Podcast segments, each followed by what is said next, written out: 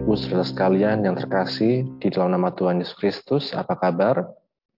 Puji nama Tuhan, pada sore hari ini kita akan kembali bersama-sama mengikuti ibadah pemahaman Alkitab, pendalaman Alkitab hari Kamis.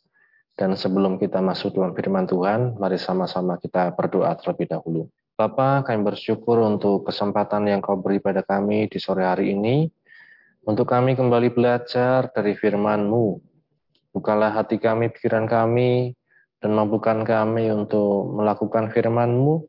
Tolong kami, Roh Kudus, untuk kami memahami, untuk kami terus dapat menerapkan firman-Mu dalam kehidupan kami. Terima kasih Bapa. Dalam nama Tuhan Yesus kami berdoa. Haleluya. Amin.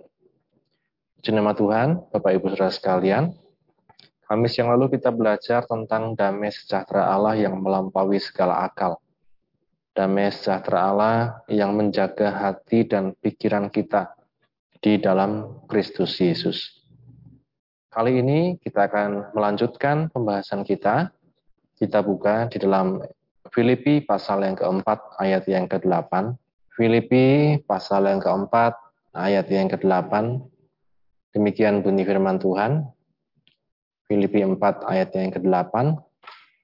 Jadi saudara-saudaraku, semua yang benar, semua yang mulia, semua yang adil, semua yang suci, semua yang manis, semua yang sedap didengar, semua yang disebut kebajikan dan patut dipuji, pikirkanlah semua itu. Amin. Berbahagia setiap kita yang membaca, mendengar, dan yang juga melakukan firman Tuhan.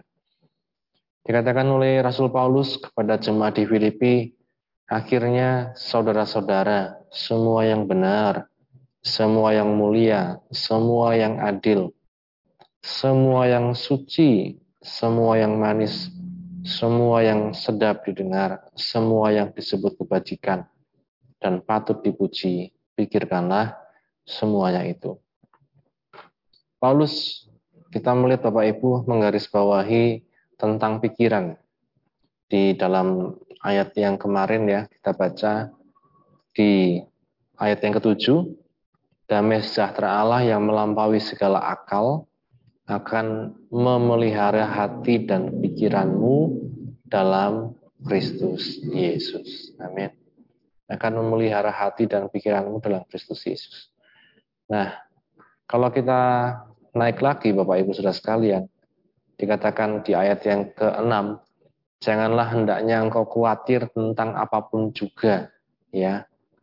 Tetapi nyatakanlah dalam segala hal keinginanmu kepada Allah dalam doa dan permohonan dengan ucapan syukur. Kalau kita melihat dari ayat yang ke-6 yang lalu, tentang kekhawatiran itu tentang pikiran yang terbagi-bagi. Pikiran yang terbagi-bagi, memikirkan berbagai macam hal, berbagai macam kemungkinan, dan lain-lain. Sehingga itu dapat terlihat dari perilaku kita, tindak tanduk kita, perkataan kita. Kemudian di ayat yang ketujuh, Paulus katakan damai sejahtera Allah itulah yang akan memelihara, menjaga. Agar hati dan pikiran kita itu tetap fokus. Ya, hanya damai sejahtera Allah di dalam Kristus Yesus itu akan memelihara hati dan pikiran kita di dalam Kristus Yesus.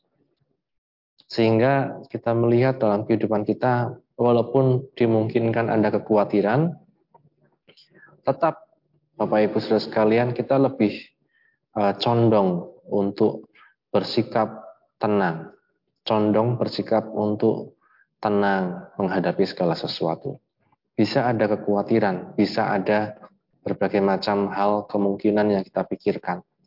Tapi kita cenderung untuk condong berpikir hal yang baik. Di ayat yang ke-8, ya, hal-hal ini Bapak Ibu Saudara sekalian yang nampak, yang bisa kita pikirkan, yang itu membantu pikiran kita untuk selalu condong sehingga tidak menjadi khawatir. Condong untuk hal-hal yang baik. Ya, di ayat yang ke-8, semua yang benar, semua yang mulia, semua yang adil,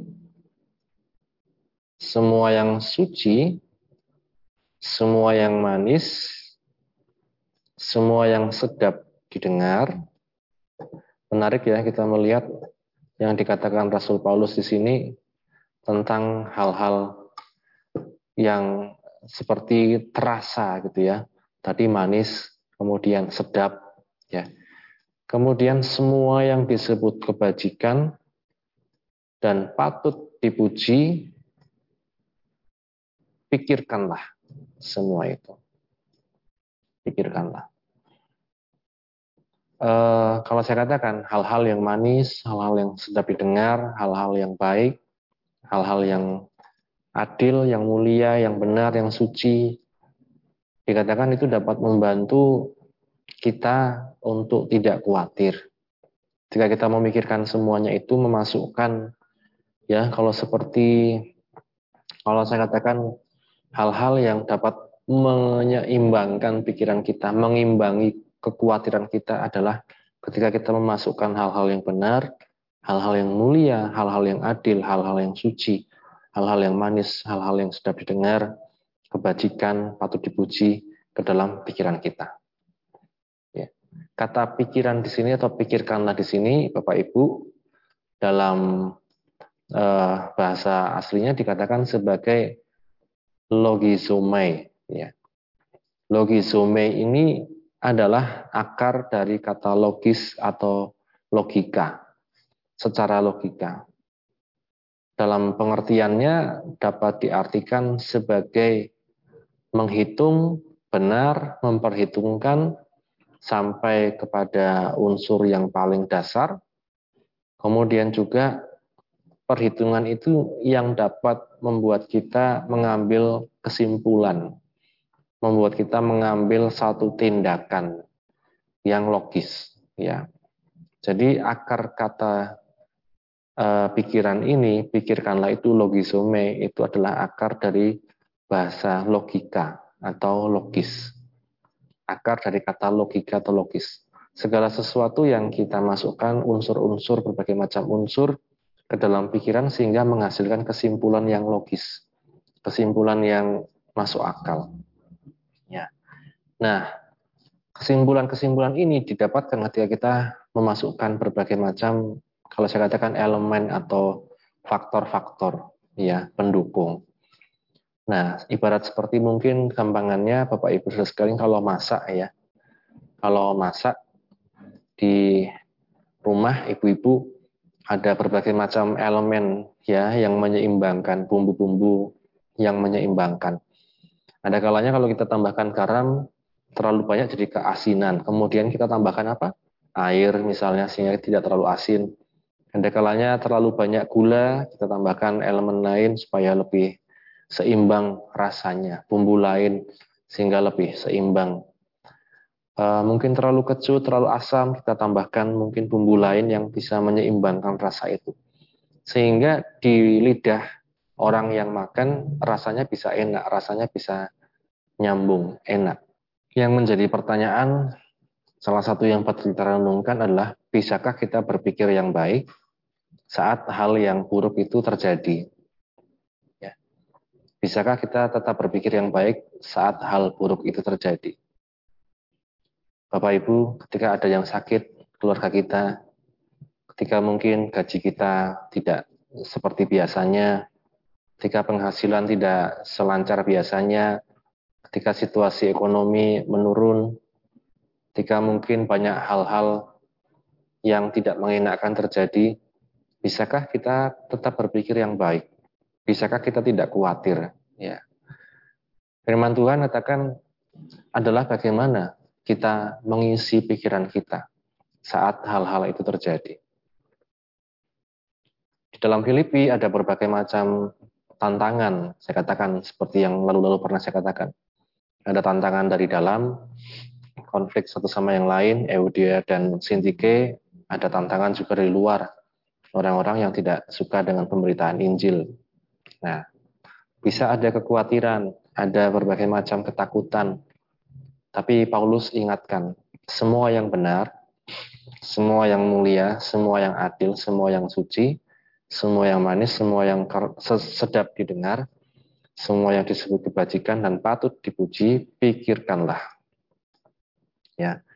Kalau dalam pengertian tadi, logizomai tadi, pertimbangkanlah hal-hal yang benar, hal-hal yang suci, hal-hal yang sedap didengar. Contoh mudahnya ketika kita rapat Bapak Ibu saudara sekalian, atau saat ngobrol dengan suami istri tentang satu keputusan penting yang harus kita buat bersama. Atau dalam keluarga ada satu obrolan yang mau diputuskan. Masukkan pertimbangan-pertimbangan hal yang benar, yang mulia, yang adil, yang suci, yang manis. Pikirkanlah semua itu. Sehingga kita tidak khawatir. Ya. Sehingga kita tidak khawatir dalam berbagai macam keputusan yang harus kita ambil. Karena kita memasukkan pertimbangan-pertimbangan tadi. Dalam rapat misalnya akan menghasilkan keputusan apa? Pertama, kita lihat patokannya. Apakah ini benar? Ya, Apakah ini untuk kemuliaan Tuhan? Apakah ini adil untuk semuanya? Apakah ini suci? Ya, tidak sembarangan, tidak ngawur. Apakah ini manis? Ya, dalam artian menjadi satu kesan yang baik. Apakah ini sedap didengar? Kalau didengar orang, apakah ini baik? Apakah ini bisa disebut kebajikan? Apakah ini patut dipuji? Nah, pikirkan semua itu dikatakan oleh firman Tuhan. Saya pernah mungkin beberapa kali mengikuti rapat-rapat ya eh, di luar di luar gereja tentunya. Bagaimana orang bisa satu sama lain saling kontok-kontokan, saling emosi. Karena apa? Elemen-elemen atau pertimbangan-pertimbangannya hanya didasarkan pada hal-hal yang menurut dia benar. Menurut dia baik tidak memasukkan elemen lain, misalnya untuk kemuliaan nama Tuhan, adil bagi semuanya, suci, dan tidak sembarangan, manis ketika uh, kesannya dilihat orang, sedap ketika didengar orang, kebajikan, patut dipuji. Nah ini Bapak Ibu. Damai sejahtera Allah di dalam Kristus Yesus itu yang buat kita bisa memasukkan pertimbangan-pertimbangan tadi. Sehingga kita tidak khawatir dalam berbagai macam hal, dalam banyak perkara. Nah, saya sendiri mungkin ada kekhawatiran, banyak kekhawatiran tentang banyak perkara.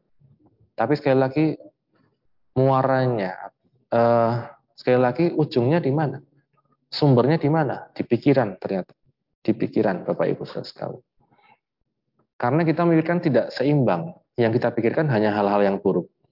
Hal-hal yang kalau dibalik ya, Akhirnya saudara-saudara semua yang buruk, semua yang tidak mulia, semua yang tidak adil, semua yang tidak suci. Sekarang banyak demo protes karena merasa tidak adil. Ya, tidak adil akhirnya bisa membuat protes, demo, bahkan kekerasan fisik dan lain-lain. Nah, kita di sini Bapak Ibu sebagai anak Tuhan, sebagai umat Tuhan, damai sejahtera Allah itu yang menjaga hati, pikiran kita di dalam Kristus Yesus. Sehingga kita bisa seimbang berpikir semuanya. Karena kita masukkan berbagai macam pertimbangan tadi. Yang baik, yang benar, yang mulia, yang adil, yang suci, yang manis, yang sedap dengar. Bagi kita sekalian pun, Bapak Ibu, dalam menghadapi mungkin keluarga yang sakit, ya kita bisa khawatir, kita bisa mungkin mengalami berbagai macam gini, kalau gini gimana ya, kalau yang terjadi seperti ini. Tapi mari kembali kepada firman Tuhan, kita pikirkan yang baik. Kita pikirkan kemuliaan Tuhan. Kita pikirkan yang adil. Kita pikirkan yang suci. Kita pikirkan yang manis. Artinya, kita berserah, kita berharap hanya kepada Tuhan. Karena kita tahu Tuhan memberikan yang terbaik. Amin. Ini Bapak Ibu sekalian. Kalau saya katakan, bisakah kita berpikir yang baik saat yang buruk terjadi? Nah, firman Tuhan katakan bisa ketika ada damai sejahtera Allah. Ketika ada damai sejahtera Allah dalam Kristus Yesus, kita masukkan pertimbangan-pertimbangan yang benar, pertimbangan untuk kemuliaan Tuhan, pertimbangan yang adil untuk semuanya, pertimbangan untuk kesucian, hal yang manis, hal yang sedap didengar, yang bajik, yang patut dipuji ke dalam pikiran kita. Pikirkanlah semuanya itu, dikatakan oleh Paulus. Artinya, itu tidak terjadi begitu saja, tetapi kita memasukkannya yang baik, pertimbangan yang baik, pertimbangan yang benar, yang adil. Maka dalam pengertian kata logizomai tadi akan menghasilkan kesimpulan yang baik juga, yang logis, yang dapat dipertanggungjawabkan, yang diperhitungkan dengan baik itu pasti dapat dipertanggungjawabkan. Nah, makanya ada laporan pertanggungjawaban biasanya kalau ada acara gitu kan. Kita sudah rapat, kita sudah rencanakan, nantinya akan ada laporan pertanggungjawaban. Apakah ini benar, mulia, adil, suci, dan baik untuk semuanya. Ya. Ini Bapak Ibu Saudara sekalian, hal yang bisa membantu kita dalam menghadapi kekhawatiran, yaitu damai sejahtera Allah yang menjaga hati dan pikiran kita. Pikiran yang seperti apa? Yang di dalamnya kita masukkan, yaitu hal-hal yang benar, mulia, adil, suci, yang manis, sedap didengar, bajikan, patut dipuji. Ya, ini yang akan membuat hati pikiran kita tetap terjaga, Bapak Ibu, yaitu damai sejahtera Allah. Sekali lagi, damai sejahtera Allah itu membuat kita bisa berpikir hal-hal yang baik, yang benar, yang suci, yang mulia. Untuk apa? Untuk semuanya. Bukan hanya untuk kita sendiri, bukan hanya untuk kepentingan kita, tetapi untuk kepentingan semua. Bahkan untuk kemuliaan nama Tuhan Yesus Kristus. Karenanya apa pun yang menjadi kekuatan kita saat ini, apa pun yang menjadi masalah kita, bahkan mungkin kita merasa lagi sedang ada hal-hal buruk yang terjadi dalam kehidupan kita, mari kita kembali kepada firman Tuhan. Pikirkanlah hal-hal yang baik. Hanya dalam Kristus Yesus kita mampu untuk melakukan firman Tuhan. Kita mampu untuk berpikir yang baik karena dialah sumber kebaikan itu, dialah sumber kebenaran itu, dialah sumber kesucian itu. Kiranya firman Tuhan pada sore hari ini memberi kekuatan untuk kita sekalian untuk terus berpikir yang positif, yang baik saat termasuk hal-hal yang buruk terjadi dalam kehidupan kita. Amin. Mari sama-sama kita berdoa. Bapak kami bersyukur untuk firman-Mu yang telah kami baca, kami renungkan, kami dengarkan. Mampukan kami Tuhan untuk berpikir hal-hal yang baik, yang benar, yang suci, mulia, manis, sedap didengar, adil Tuhan. Sehingga kami dapat memutuskan keputusan yang benar, kami dapat berkata yang benar, kami dapat berperilaku yang benar Tuhan dalam kehidupan kami. Sehingga bahkan ketika ada kekhawatiran, ada masalah, ada hal-hal buruk terjadi, pikiran kami tetap terjaga Tuhan di dalam Engkau, di dalam damai sejahtera-Mu yang melampaui segala akal. Terima kasih Bapak, terima kasih. Berkati anak-anakmu Tuhan yang sudah mendengar firman-Mu di mana pun mereka berada, yang sakit disembuhkan, yang lemah dikuatkan, yang susah dihiburkan, yang sedang ada masalah Engkau berikan jalan keluar. Terima kasih Bapa, berkatilah setiap anak-anakmu Tuhan, dan mampukan kami untuk menjadi pelaku firman-Mu. Kami bersyukur ya Tuhan, hanya di dalam nama Tuhan Yesus Kristus kami sudah berdoa. Haleluya. Amin. Puji nama Tuhan, Bapak Ibu Saudara sekalian, Tuhan Yesus memberkati. Amin.